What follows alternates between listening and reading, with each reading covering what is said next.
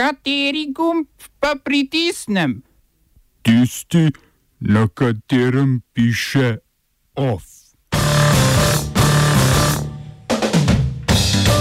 Sodišče v Mjanmaru zavrnilo pritožbo obsojenih Reutersovih novinarjev. Združene države Amerike pospešeno začele upočasnjeni umik iz Sirije. V Albaniji spor glede imenovanja ministra za zunanje zadeve. Študentski kratki film in neodvisni teritorij scenskih umetnosti.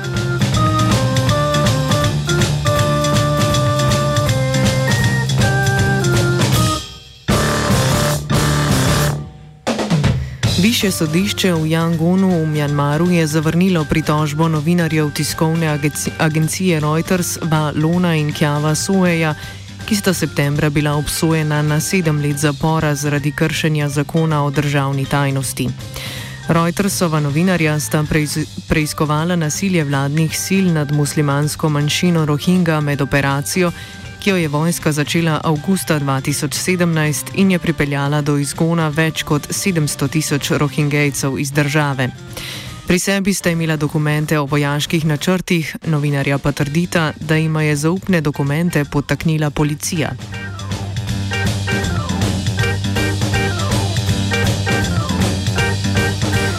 Ameriška vojska v Siriji je začela z umikom vojaške opreme.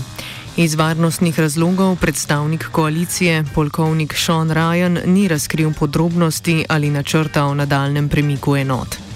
Potem, ko je ameriški predsednik Donald Trump decembra presenetljivo oznanil umik ameriške vojske iz Sirije, so Združene države po nasprotovanju odločitvi tudi v vrhu Pentagona nekoliko omilile retoriko ter podaljšale rok za umik vojakov in nadaljevale z obstreljevanjem ciljev na severovzhodu države.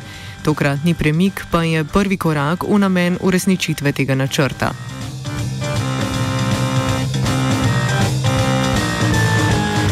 Donald Trump se je sicer medtem mudil na ameriško-mehiški meji v teksaškem mestu McAllen, kjer je v govoru povdaril, da je gradnja zidu na meji z Mehiko nujna in da ima zaradi humanitarne krize, citiramo, vso pravico razglasiti izredne razmere.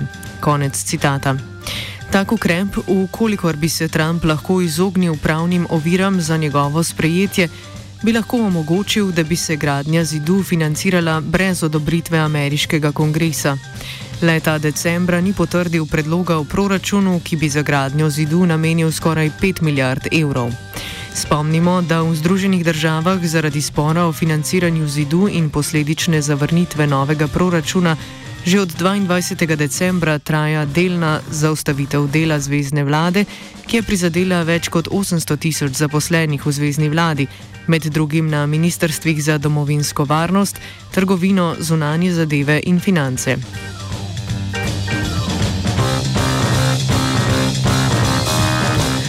Tajvanska predsednica Tsai Ing-wen je imenovala novega premijeja, potem ko je zaradi neuspeha na nedavnih lokalnih volitvah skupaj s celotnim kabinetom odstopil dosedani premije Lai Ching-te.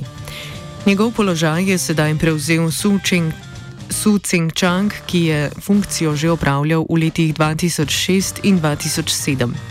Poraz na lokalnih volitvah in če dalje nižja podpora vladajoči demokratski napredni stranki je že predtem prinesla odstop Ing-wen z čela stranke, Premešanje vladne ekipe pa nakazuje tudi na preusmeritev pozornosti na volitve leta 2020 za bolj ključen položaj predsednika države.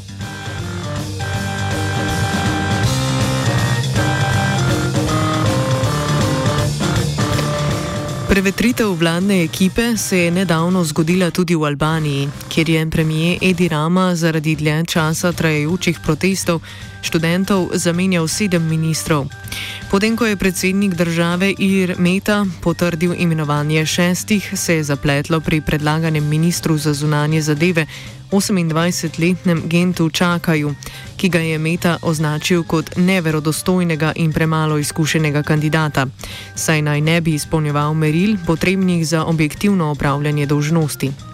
Obenem je Meta izrazil dvome v delovanje albanske nacionalne varnostne agencije, ki je čakajo potrebno varnostno dovoljenje, podelila v manj kot dnevu potem, ko je čakaj zanj zaprosil.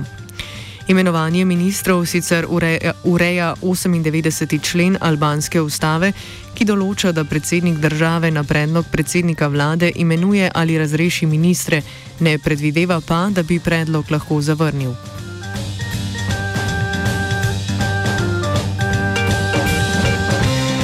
Izraelsko ministrstvo za obrambo je uradno obvestilo Hrvaško, da ne morejo prodati vojaških letal F-16 saj od Združenih držav Amerike, ki so letala izdelale v 80-ih letih prejšnjega stoletja, ni pridobilo ustreznih dovoljenj za prodajo.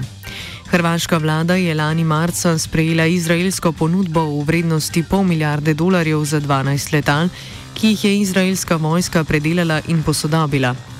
Posel je kasneje ustavil veto ameriškega obrambnega ministrstva, ki je prodajo letal pogojevalo z odstranitvijo opreme in prodajo zgolj osnovnih modelov F-16. Neuspešen, neuspel posel je medtem sprožil preigravanja znotraj hrvaške politike in pozive strani opozicije k odstopu obrambnega ministra Damerja Krstičeviča ter hrvaškega premijeja Andreja Plenkoviča. Oba, če, če bom odgovoril na angliški. Uh, uh, Slovenija bo poskušala pomagati. Slovenija bo naredila naš utmost, da bo rekla, da je situacija naš problem, naš in da bomo naredili nadaljnje korake, as soon as the conditions are zelo, zelo resni. News from Slovenija. Vemo, kako in bomo.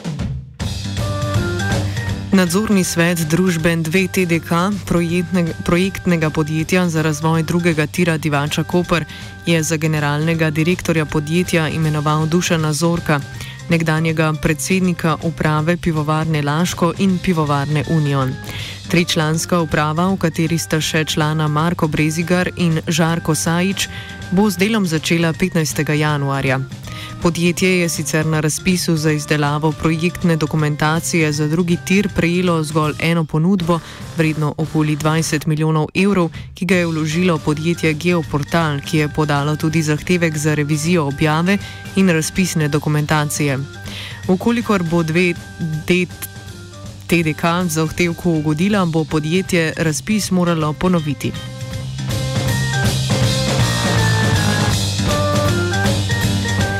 Ministr za gospodarski razvoj in tehnologijo Zdravko Počivalšek je po sestanku z Jocem Pečečnikom izrazil popolno podporo projektu Bežigrajskega športnega parka.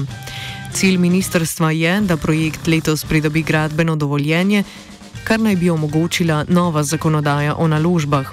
Za kakšno spremembo v zakonodaji gre, predstavi Pečečnik. Vlada je posegom v novi zakon pač omogočila da, da investitorji lahko zahtevajo integralno gradbeno dovoljenje. V bistvu pa gre za to, za to da se postopka pridobivanja okoljevarstvenega soglasja pa gradbenega dovoljenja združijo v en postopek. To je glavna novost.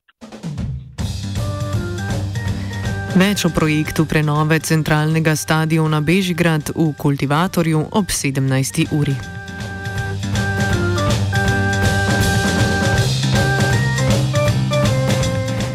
Je pripravil Jure.